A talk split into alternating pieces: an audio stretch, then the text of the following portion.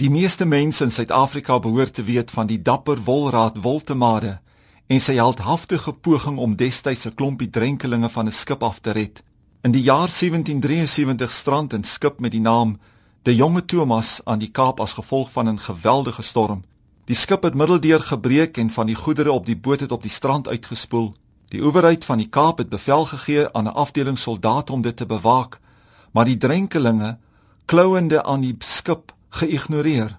Volraad Woltemade was 'n melkboer aan die destydse Kaap die Goeie Hoop.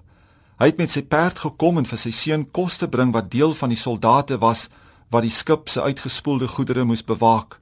Toe hy merk wat aan die gang was, het hy met sy perd die woeste golwe ingewaag en tot by die skip met sy perd geswem.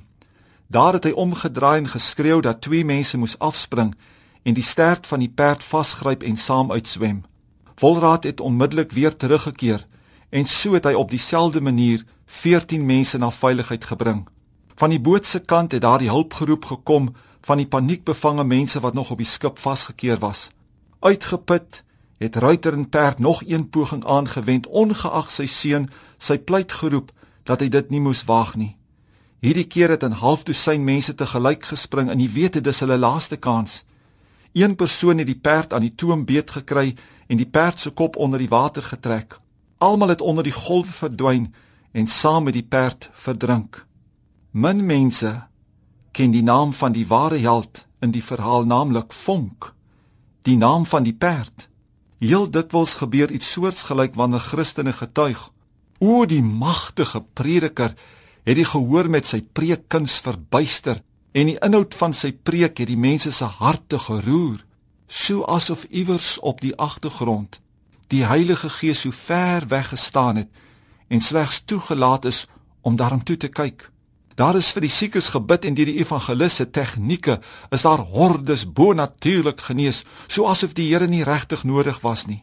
Al sou ander dit op die wyse oorvertel, kom ek en jy gee altyd erkenning aan die ware held die driemaal heilige God, die Vader, die Seun en die Heilige Gees, sonder wie se hulp en krag ons niks kan doen nie.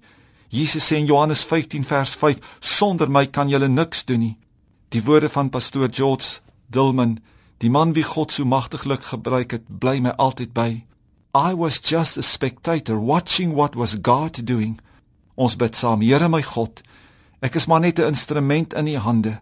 Ek gee erkenning dat dit u krag is wat genadiglik deur my vloei. Nooit sal ek u eer steel nie, maar aan u altyd al die eer en die heerlikheid en die glorie gee. Amen.